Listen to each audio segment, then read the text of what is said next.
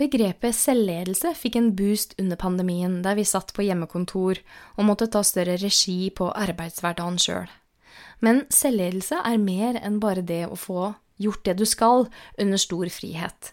Selvledelse handler om å forbedre dine egne arbeidsmetoder, utvikle tankesett som øker prestasjonsevnen din, og bli god til å motivere deg sjøl.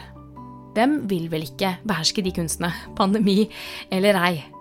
Så derfor så omtaler jeg her tre ganske ulike bøker om selvledelse, som alle er verdt å lese. Du lytter til Med hjertet for jobben, en podkast om stressmestring og arbeidsglede, selvledelse og karriere. Mitt navn er Kristin Weholt. Jeg hjelper deg med å trives på jobb, takle stress og utvikle deg i riktig retning ved hjelp av målretta coaching og forskningsbaserte online-kurs. Du finner meg på kristinweholt.no. Hei, hei, kjære lytter. Jeg har hatt lyst til å spille inn en ny podkastepisode så lenge, men jeg har rett og slett ikke hatt stemme. Jeg har hosta bort stemmen min, men nå er jeg frisk, så nå kan jeg ikke lenger holde munn. Og særlig ikke om dette jeg skal snakke om nå, fordi jeg er bøker, og bøker har jeg et spesielt forhold til. Og særlig når det gjelder bøker som handler om de faglige emnene jeg er engasjert i. Så jeg håper at jeg med denne anbefalingen av tre forskjellige bøker innen selvledelse kan inspirere deg til å kanskje lese litt om selvledelse i ferien. For hvem vet hva du har lyst til å lese i ferien? Kanskje er det rom for disse. De er i hvert fall ikke tunge, kjipe akademiske bøker. Dette her er ikke bare lærerikt, men det er også gode leseropplevelser. Den første boka jeg har lyst til å snakke om, det er Stephen R. Coveys The Seven Habits of Highly Effective People. Dette her er en klassiker innen selvledelseslitteraturen, og den kom ut første gang i 1989 og er regna som en av de mest innflytelsesrike bøkene innen ledelse overhodet. Altså eh, ikke bare selvledelse, men også ledelse. De syv gode vanene, som er prinsippene boka kretser rundt, de er tidløse og relevante under mange forskjellige omstendigheter. Så boka gir deg et praktisk rammeverk for hvordan du lever et autentisk liv, men den lærer deg også hvordan du gjør jobben din godt, og utvikler karrieren din med integritet og effektivitet. Ikke minst så lærer du en hel del om stressmestring. Faktisk så har jeg omtalt denne boka her på bloggen min tidligere under tittelen Tre gode bøker om stressmestring.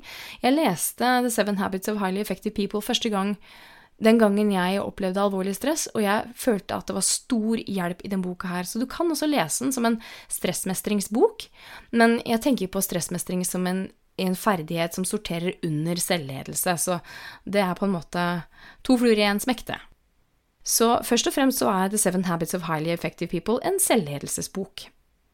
De syv gode vanene som Stephen Covey skriver om i boka, er Be proactive Begin with the end in mind Put first things first Think win-win Seek first to understand, then to be understood Synergize og Sharpen the Saw.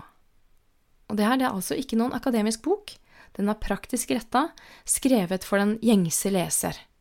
Og noe av det som gjør den så lesverdig, det er at Stephen Coveys anekdoter de er henta fra hans eget liv da, om utfordringer som eksemplifiserer hvordan de syv vanene kan være til hjelp.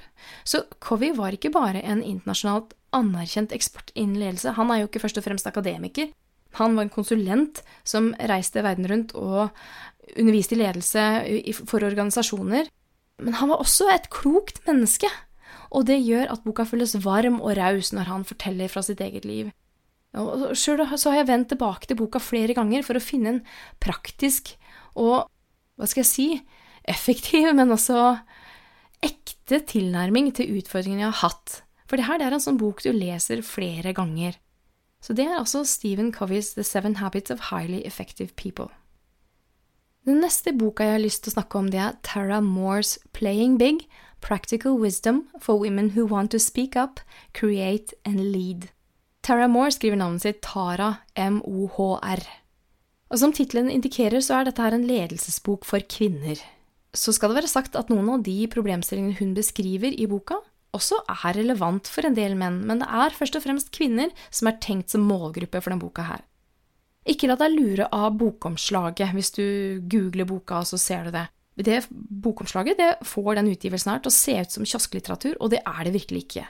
Moore er en svært erfaren coach og ekspert på kvinnelig lederskap og trivsel i arbeidslivet, og hun har studert engelsk litteratur og business ved Stanford og Yale, og så fletter han naturlig sin kunnskap om kunst og religionshistorie og psykologi sammen med de forretningsmessige sidene av ledelse, og det syns jeg er forfriskende.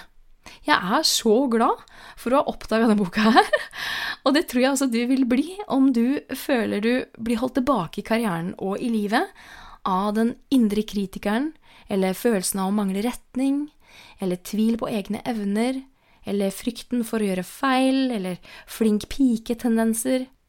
For ikke å nevne den fortvilende følelsen av å ikke bli tatt på alvor, ikke få gjennomslag, ikke klare å kommunisere tydelig nok. Dette her er ikke en lettbeint selvhjelpsbok med kjappe løsninger for komplekse psykologiske fenomener. Det er en tankevekkende klok og praktisk bok som ved hjelp av gjenkjennelige eksempler og coachende oppgaver gir deg nye perspektiver på deg sjøl og arbeidsmiljøet du befinner deg i. Du får rett og slett et lederutviklingsprogram for kvinner. Det gjelder både selvledelse og, og for det tilfellet at du skulle, led, at du skulle lede andre mennesker. Den er like relevant uansett.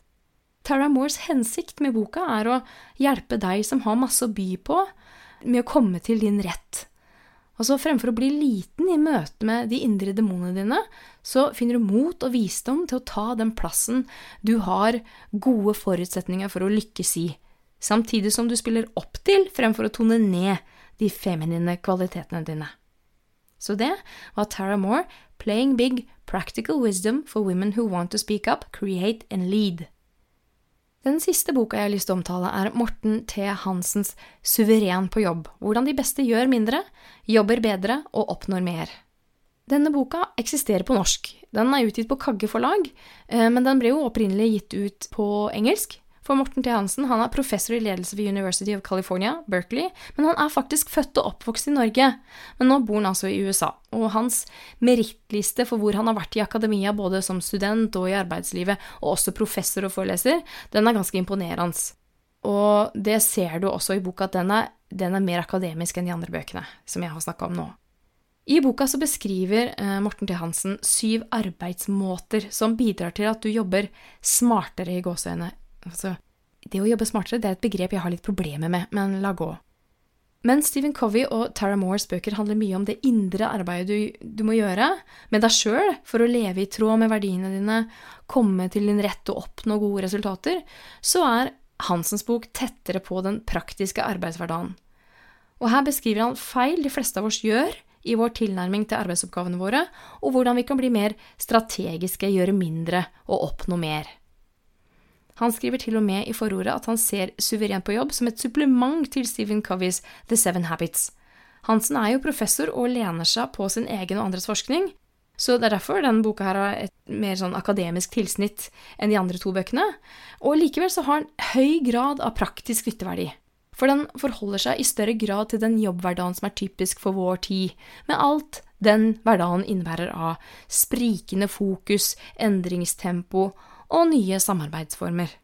Her lærer du om hva det virkelig vil si å holde fokus, skape reell verdi og lære hurtigst mulig. Og du lærer hvordan du kan få mer energi inn i hver arbeidstime, få større innflytelse, samarbeide bedre og skape bedre balanse mellom jobb og fritid. Her er det liksom litt sånn større ja, både effektivitet og produktivitet som står i fokus. Og også Suveren på jobb inneholder anekdoter som eksemplifiserer de forskjellige problemstillingene som kan sabotere effektiviteten din. Og det gir kjøtt og blod til en ellers ganske faktatung selvledelsesbok. Så det var altså Morten T. Hansens Suveren på jobb. Hvordan de beste gjør mindre, jobber bedre og oppnår mer. Og det er mine tre hotteste lesetips innen selvledelse. Du vil finne lenke til hver av bøkene i shownotes til denne episoden, sånn at du finner lett fram. Og hvis du ble inspirert nå til å ta med deg en bok om selvledelse på ferie som ferielektyre, så ønsker jeg deg bare god bok og god sommer. Du har lytta til Med hjertet for jobben, en podkast om stressmestring og arbeidsglede, selvledelse og karriere. Mitt navn er Kristin Weholt, og jeg er coach, kursinstruktør og karriereveileder. Vil du selv lese artikler og andre kilder jeg viser til i podkasten, sjekk shownotes til denne episoden. Og vil du lese artikler og se videoer jeg har produsert, gå til medhjerteforjobben.no. Der kan du også melde deg på nyhetsbrevet mitt og få tilgang til gratis ressurser som er relevante for stressmestring. Gå gjerne inn og rate denne episoden, og del den med en venn som kanskje også kan ha nytte av å høre denne. På gjenhør!